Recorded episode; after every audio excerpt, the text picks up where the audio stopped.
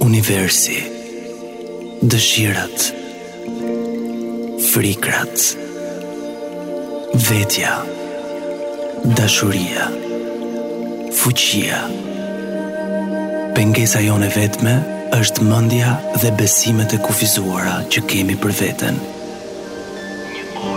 Një orë me Frankon në Top Albania Radio. Hej, përshëndetje e mirë se erdhët në Top Albania Radio. Këtu jemi në një orë me Frankon, një emision të cilin do ta gjeni çdo të martë ora 21. Keni shumë për të parë, një vlerë e madhe e shtuar me një dije të re e cila po fillon të përgatitet dhe të jepet në Shqipëri. Emisioni është gjithmonë i ndarë në 5 pjesë ku fliten tematika të ndryshme. Në të parën e kësaj pjese ne do të flasim për pjesën e trupit dhe pak ato pasiguri që na vijnë tani që po vjen vera dhe nëse nuk kemi bërë fitness apo palestër.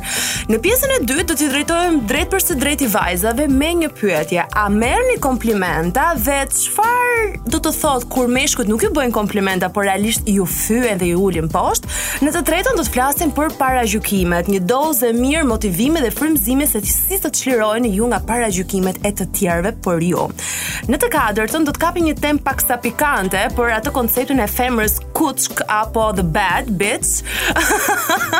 Por do të japim atë konotacionin dhe vlerën e vërtetë se çfarë fshihet pas kësaj fjale dhe përse nuk ekziston një fjalë tjetër për meshkujt? Dhe në të pestën, do të flasim për dhunën psikologjike, verbale dhe fizike të prindërve, si ajo ndikon tek fëmijët dhe se çfarë i ngelet prindërve për të bërë tani që e marrin këtë informacion. Dëgjojmë këngën dhe në vijim do të vijmë përsëri këtu. Një orë me Frankon në Top Albania Radio.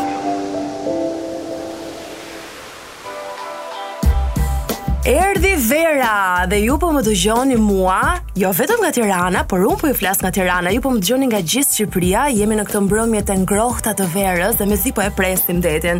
Besoj që shumë prej jush edhe kanë shkuar atje. Unë madje këto kohët e fundit le të themi që jetoj midis Tiranës edhe jugut të Shqipërisë. Por vura re diçka, një diçka tek vetja ime që dua t'jua jap edhe juve. Pjesa e trupit, e tuleve dhe e celulitit. Mbase kjo është pak e drejtuar më shumë vajzave se e di që ato e vrasin pak më shumë mendjen, edhe stresohen në lidhje me këtë gjë e gjykojnë veten. Por thirrja ime, ajo se çfarë gjithmonë i them njerëzve në çfarëdo lloj situate, gjëja e parë është mos e gjykoni veten. Në qoftë se e gjykoni veten, do ta bëni me faj. faj në gradimin apo në matjen e të gjitha ndjenjave dhe emocioneve është ndër më të ulti do t'ju bëjë të ndjeni akoma edhe më keq dhe do t'ju shkaktojë dhimbje. Kështu që të lutem, kush është zgjidhja? Zgjidhja është që ta pranojmë veten ashtu siç e kemi, ta pranojmë me tulet tona, me celulitin tonë, edhe të vazhdojmë të bëjmë veprime të tjera në të ardhmen që na mundësojnë, le të themi një palestër apo një fitness apo thjesht të rrimë ashtu siç rrimë body positivity apo jo. Ajo se çfarë është e rëndësishme dhe doja t'ju thoja është se ne kur kemi emocione negative dhe mendime jo të mira, këto nuk është se rrin kështu në ajër kot. Këto informacione marrin totalisht qelizat tona. Po po, qelizat dëgjojnë, ato kanë vesh.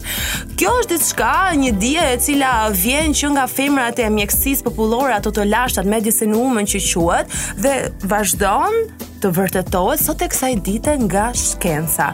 Qelizat tona dëgjojnë, pra ka shumë rëndësi informacioni që ne i japim atyre. Pra, nëse po vjen vera, dhe e keni trupin jo ashtu sikurse do ta donit dhe karantina ka bërë efektet e veta edhe unë e shikoj një çik aty te vetja ime por vendosa të them hej Frank unë e dua atë celulitin që më ka dalë sepse unë e pranoj veten time. Prandaj po ju jap disa afirmime shumë të thjeshta. E para, unë i dua qelizat e mia. Unë e dua trupin tim siç është.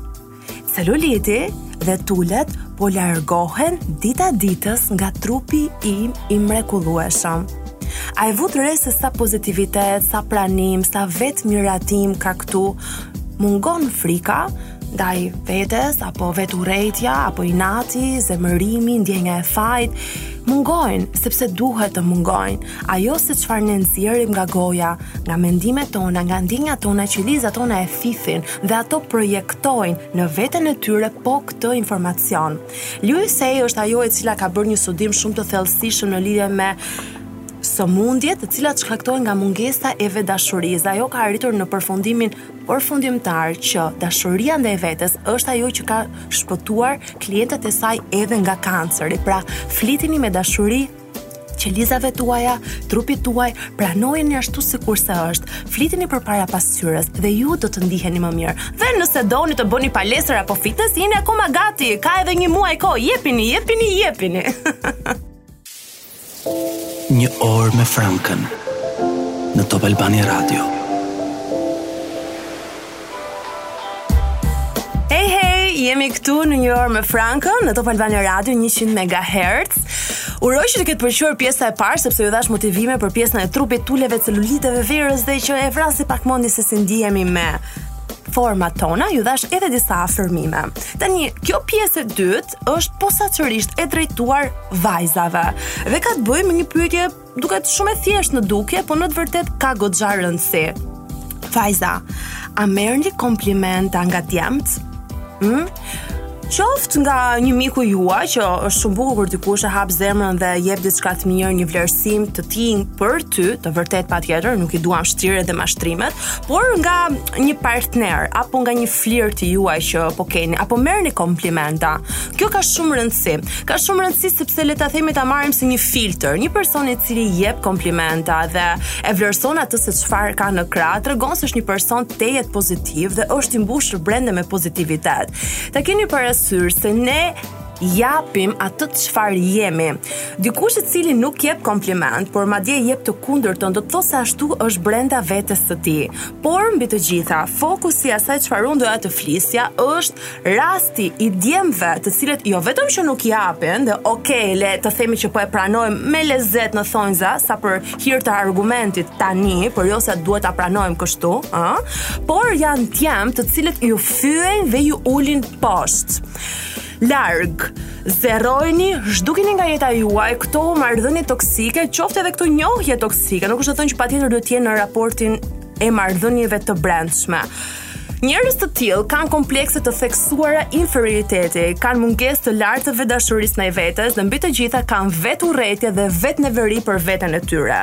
Një njeri i cili fyen, një njeri i cili përpiqet t'ju ulë poshtë, Dhe nëpërmjet kësaj teknike t'ju manipulojë, është një person i cili është nuk do të thoja i keq, se në thelb nuk ka njerëz të këqij, por është shumë keq me emocionet e tij dhe të gjitha po i projekton tek ju. Dhe mirë që është keq me emocionet e tij, por këtë e përdor si teknikë manipulimi. Pse e bën këtë? E bën që t'ju ulë muret tuaja mbrojtëse, që t'ju bëjë vulnerabël, që t'ju hedhë poshtë, t'ju sulmojë aq shumë sa t'ju Hedhi për tokë t'ja shkatërroj vetëbesimin dhe ju atë i cili është sulmuesi, pastaj ta shikoni si hero në momentin që ai do japi ca fjalë të mira. Pra, janë teknika manipulimi për të joshur në thonjza se kjo nuk është as joshje, kjo nuk di çfarë emri ka, për t'ju bërë për vete dhe për t'ju bërë për vete as bërë për vete, por për t'ju mbajtur në kontroll, shkurt dhe shqip këtij muhabeti. Pra, Njerëz që nuk bëjnë komplimenta, por njerëzit të cilët ju ulin poshtë, ju fyen, duan t'ju poshtërojnë, e bëjnë për qëllimin e vetëm që duan t'ju kontrollojnë. Nuk besojnë kurrsesi tek vetja e tyre që mund t'ju bëjnë ndonjëherë për vete dhe kuptojnë në vogëlsinë e asaj se çfarë janë fatkeqësisht, pavarësisht se unë tani dërgoj dritë shpirtit të tyre që të zmadhohet dhe të pastrohet, e bëjnë thjesht që të kenë në kontroll. Njerëz të tillë janë narcistë me komplekse të theksuara inferioriteti që nuk e duan veten e tyre. Dhe tek përfundimi i kësaj është edhe diçka. Fakti se ju keni tërhequr njerëz të tillë në jetën tuaj do të thotë se ju nuk e vlerësoni, nuk e komplimentoni, nuk e doni, nuk e mbani veten me të mirë, nuk e lavdëroni. Prandaj zemrat e mia, ligji është absolut, është hyjnor dhe është i përpiktë. Çfarë je brenda do të tërheqësh ti në jetën tënde. Pra, komplimentoje ti veten tënde për së pari. Duaje ti veten tënde për së pari. Dil përpara pasqyrës dhe thuaj, unë të dua, ti je me vlerë, ti je e mrekullueshme dhe shiko pastaj se si do të ndryshojë frekuenca e njerëzve që ju rrethojnë. Ndjekim këngën dhe vazhdojmë pastaj në pjesën e tretë te Një orë me Frankën. Ju përqafoj njerëz. Pengesa jonë e vetme është mëndja dhe besimet e kufizuara që kemi për veten. Një orë me Frankën.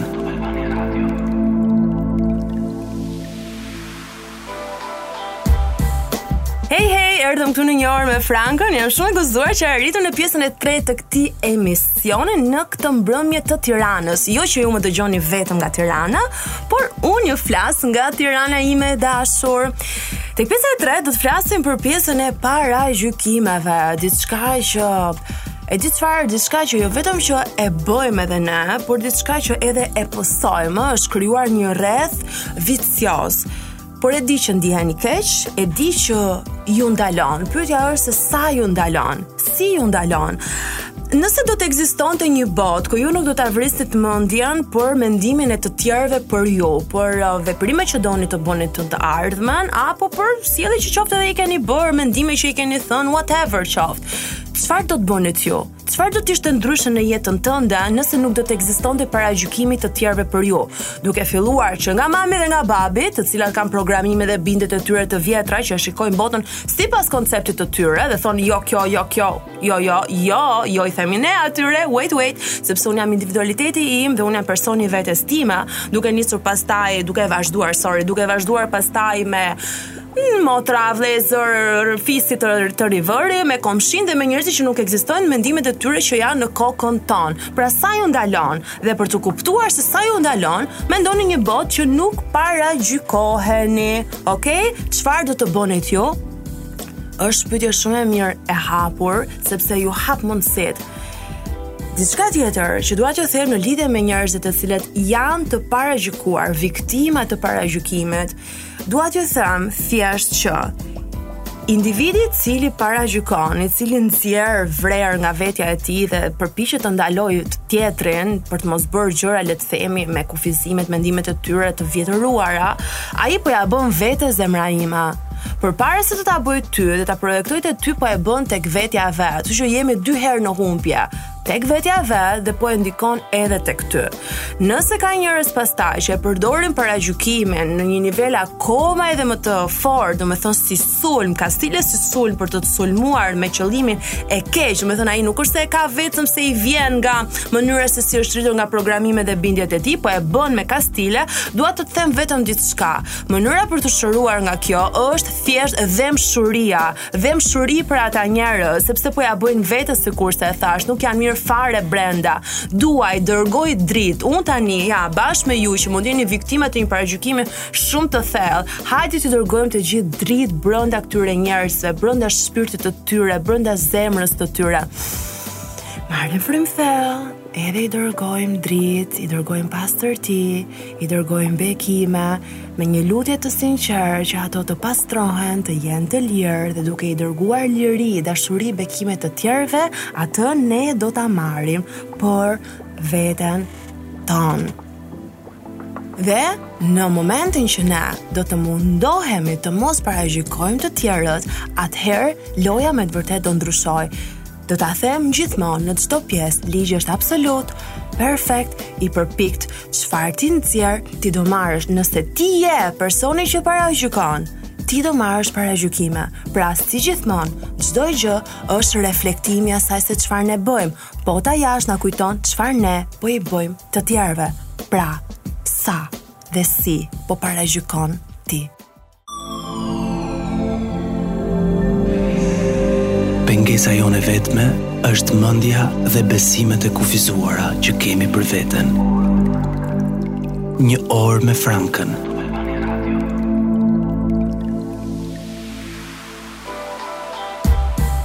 Hej, hej, erdhëm në pjesën e katërt të emisionit një orë me Frankën.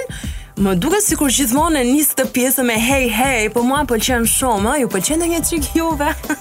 Në këtë pjesë të katërt do kap një temë e cila prek, prek pak telat. Uh, në të kaluarën fola për seksin dhe tani do ta kap uh, mbase me këto konotacione që, jo këto konotacione, po me këto koncepte që sikur bap, godasen. me kuçkat, me kuptimin e mirë të fjalës kuç, duke nisur nga libri i Sherry diçka nuk po më vjen tani përse meshkujt dashurohen me kuçka dhe përse meshkujt martohen me kuçka, është një libër që patjetër ia këshilloj vajzave, sepse flet se çfarë është ajo femra kuçka apo the, the bad bitch në kuptimin e mirë të fjalës dhe çfarë është ky kuptim i mirë. Është femra e cila ka besim në vetvete, është femra e fortë, është femra e cila flet me autoritet, që ka mendimin e vet personal origjinal, dhe nuk i përkulet njerëzve për të ndryshuar mendimin e saj. Ka ego pozitive të shëndetshme, pra ka ambicie pozitive për të arritur gjëra për veten dhe e le të themi mohon rolin e vetëm që një femër duhet të jetë vetëm gruaja në shtëpi dhe nëna e fëmijëve, mos o zot, jo.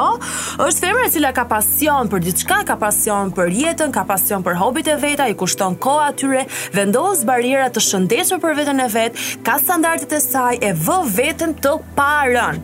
Kjo është kuçka në kuptimin prap të mirë të fjalës se duhet ta përsëris se bap bap, do ju vijë kështu bap bap në tru. Tani çështja është se duke ndjekur një TEDx, ajo se çfarë më pëlqeu ishte se kjo zonja shumë kuçk në kuptimin e mirë të fjalës, ë uh, po thoshte që e kam kërkuar, e kam kërkuar, por nuk ekziston një term për mashkullin. Domethënë mashkulli nëse ka këto cilësi, nuk quhet ashtu. Është mashkulli i cili është strategu, i cili është aset për kompaninë, aset për familjen, aset për grupin e punës, është ai që është i zoti, është ai i cili dëgjohet fjala, është ai i cili zgjidh problemet, është mbase dhe figurë shtetërore. Pra, për të njëjtat cilësi, për femrën e kemi këtë termin që nuk është në vlerën e vet negative, por si vetë si fjalë është negative, dhe për mashkullin nuk ekziston. Pra, ajo se çfarë më vjen mua të them për këtë pjesë është kjo pjesa e patriarkalitetit. Dhe dua ta shënoj se çfarë do të thotë. Ky patriarkaliteti është një sistem social ku meshkujt zotërojnë rolin e fuqisë parësore në lidershipin politik, autoritetin moral, privilegjin social dhe kontrollin e pronësisë. Tani ekziston dhe Kibalioni, i cili është uh, le të themi një rishikim dhe një studim e filozofisë hermetike të Greqisë së lashtë dhe të Egjiptit, ku ai ka këto shtatë principet hermetike. Dhe këtu flitet për principin e gjinisë që dua t'ia cilësoj. Gjinia thotë Kibalioni, është në çdo gjë. Çdo gjë ka principet e energjisë mashkullore dhe femërore. Gjinia manifestohet në të gjitha planet. Pra, e shikoni se sa absurde është kjo gjëja, kjo ndarja femër, mashkull, patriarkaliteti duhet të jetë kjo bota vetëm kështu, burrat vetëm duhet të sundojnë, femra duhet të rri këtej, hej hej njerëz. Energjia është femërore dhe mashkullore dhe sipas principeve të lashta hermetike dhe shkencës tashmë, ajo ekziston brenda të njëjtit individ, pra një mashkull nuk ka vetëm energji mashkullore, ka edhe energji femërore, pra i lejohet atij mashkullit të jetë vulnerabël, i lejohet atij mashkullit edhe të qajë, sepse është thënë në fëmijëri, sepse ashtu është programuar, mos qaj se burrat nuk qajnë. My God no, ne i kemi të gjitha emocionet, emocionet janë njerëzore dhe janë tonat. Tani në momentin që ti e ndrydh atë emocionin, ti je një njeri i ndrydhur, ashtu sikurse dhe femra pastaj ka energjinë e saj mashkullore, pra që është kjo femra ambicioze, që është kjo femra që do të bëjë biznesin e saj, që ka mendimin e vet, që është agresive në kuptimin që merr përsipër gjëra që ka aksion. Prandaj janë budallëqe dhe është absurditet e gjithë kjo gjëja Femrat këtej meshkujt andej hej hej ne jemi njësoj në qoftë se duam që kjo bota të pastrohet dhe të balancohet ne duhet të arrijmë në harmonizimin e energjive brenda të së njëjtës dhe pastaj si individë me gjini të ndryshme të pranojmë njëri-tjetrin that's all ufa e thashë dëgjojmë këngën tjetër dhe kalojmë pastaj në pjesën e pestë Një orë me Frankën në Top Albania Radio. Hej, erdhëm në pjesën e 5 të emisionit Një orë me Frankën. Më kapi shumë tema te emisioni përpara, fola goxha fuqishëm dhe duhet ta ndiqni patjetër e keni në YouTube, në playlist Një orë me Frankën tek uh, kanali patjetër i Top Albania Radios, ku tjetër. Tani, kjo është temë pak delikate, është për dhunën psikologjike, verbale, fizike, të prindërve ndaj fëmijëve, por nuk përjashtoj këtu edhe mësuesit. Patjetër u nxita këtë pjesë ta bëj nga një vajzë e cila më shkroi në Instagramin tim, ku po më thoshte që zysha vetëm i kishte rrahur, vetëm i kishte lënë me një këmbë që lihet ajo në klasë ato budallëqe me rri me një këmbë, oh my god, domethënë ndjesia e fajit që ti je fajtor, që ti je mëkatar, që ti je përgjegjësi, ti rri me një këmbë tmerr, domethënë trauma pa fund dhe mirë kësaj Dëmi më i madh normalisht që kishte ardhur nga nëna e saj, sepse ajo kur shkonte në takime prindër përpara zyshave dhe përpara fëmijëve, thoshte, kam ardhur për këtë të madhen, sepse motra e madhe Jasmine ishte vetëm ajo që mësonte, se për këto të vogla nuk ia vlen fare, është kot fare. Oh my god, sa pavetëdije, sa injorant, çfarë traume, e kuptoni çfarë psikologjie të rënduar dhe të copëtuar ka një individ i tillë Prindër, ju lutem, ju lutem, lexoni libra që kanë lidhje me prindërimin e ndërgjegjshëm, merrni informacion. Nuk di, më ndiqni ndonjë çik mua, ka të tjerë si Edukim nga Arta në Instagram që flet për prindërimin e ndërgjegjshëm dhe e përshëndes shumë Artën. Po ndodh një ndryshim, Por para se të ndodhë ky ndryshim dhe ta kuptoni këtë ndryshim, ky prindërim i ndërgjegjshëm duhet të kuptoni se çfarë keni bërë me fëmijët tuaj.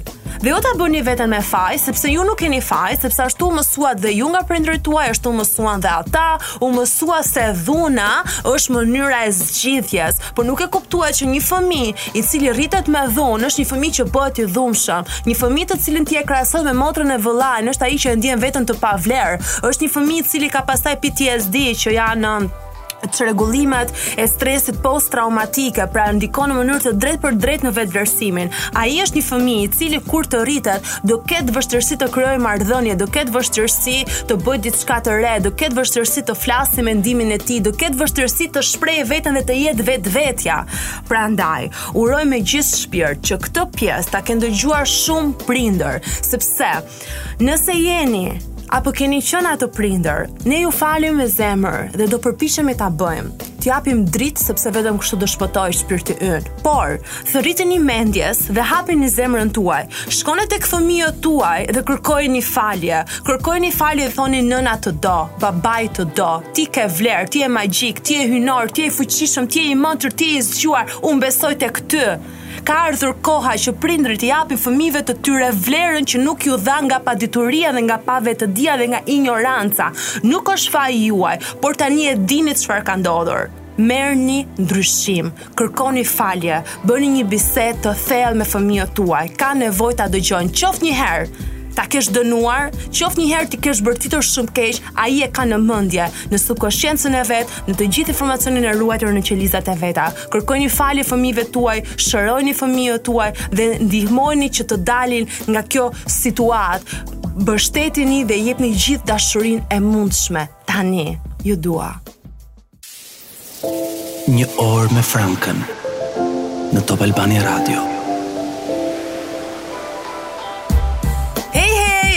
fund të emisionit një orë me Frankën goxha energji do thoja te ky emisioni tek sidomos tek dy pjesët e fundit uan ka kapur një energji e jashtëzakonshme dhe mund ta dëgjoni siç e kam thënë disa herë një orë me Frankën tek Top Albania Radio në playlist një orë me Frankën në kanalin e saj në YouTube si gjithmonë emisionin e mbyllim me tre quote që kanë lidhje me tematikën që kemi folur po ripërmbledh shkurtazi tematikat. Folëm për pjesën e trupit, për motivim për trupin celulitet dhe tulet që janë tani gjatë verës nëse nuk keni bërë palestër, dhe tjetra është nëse ju vajza merrni komplimenta nga meshkujt dhe Si është kjo puna e këtyre meshkujve që vetëm ju fyejnë, ju shajnë në tentativa për t'ju bërë për vete? Çfarë problemi kanë ato me veten e tyre, e treta ishte për paragjykimet, e katërta është për konceptin e femrës kuçk, çfarë do të thotë, pse është një gjë e mirë të jesh një femër kuçk ditët e sotme, dhe tjetra është patjetër dhuna psikologjike, verbale, fizike e prindërve dhe mësuesve ndaj fëmijëve të tyre, nxënësve të tyre dhe çfarë duhet të bëjnë tani që e morën vesh këtë informacion.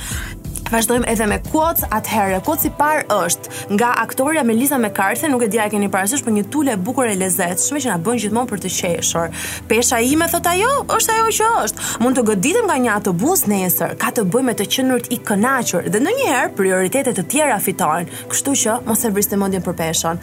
E dyta, Paragjykimet janë zinxhirë të farkëtuar nga injoranca për t'i mbajtur njerëzit të ndarë. Kjo ishte anonim, por ishte super e bukur dhe e fundit nga doktor Shefali Tsabary që mund ta gjeni në Instagram është super mirë, ka bërë një ka bërë edhe një libër Prindërimin e ndërgjegjshëm. Ajo thotë, për të hyrë në një gjendje lidhje të pastër me fëmijën tuaj, mund ta arrini duke lënë mënjanë çdo superioritet Ne jemi të gjithë të barabartë prindër të dashur, ne nuk jemi lodrat tuaja, ne jemi qenie hyjnore, ashtu sikurse edhe ju. Unë ju puth njerëz, ju dua shumë, më gjeni në Instagram çdo ditë, kam edhe një surprizë shumë të madhe në Instagram për ju që doni të bëni një pastrim rrënjësor me veten tuaj, më kërkoni në Insta, bëhet fjalë për një program intensiv njëmujor për të gjithë njerëzit që do ia jap me gjithë dashurinë më të madhe. Ju, unë jam Franka Ekonomi, këtu ishim një orë me Frankën, çdo të martë ora 21, Gjithmonë dhe vetëm në radion më të preferuar të të gjithëve ndonjëherë, Top Albania Radio. Ju përqafoj.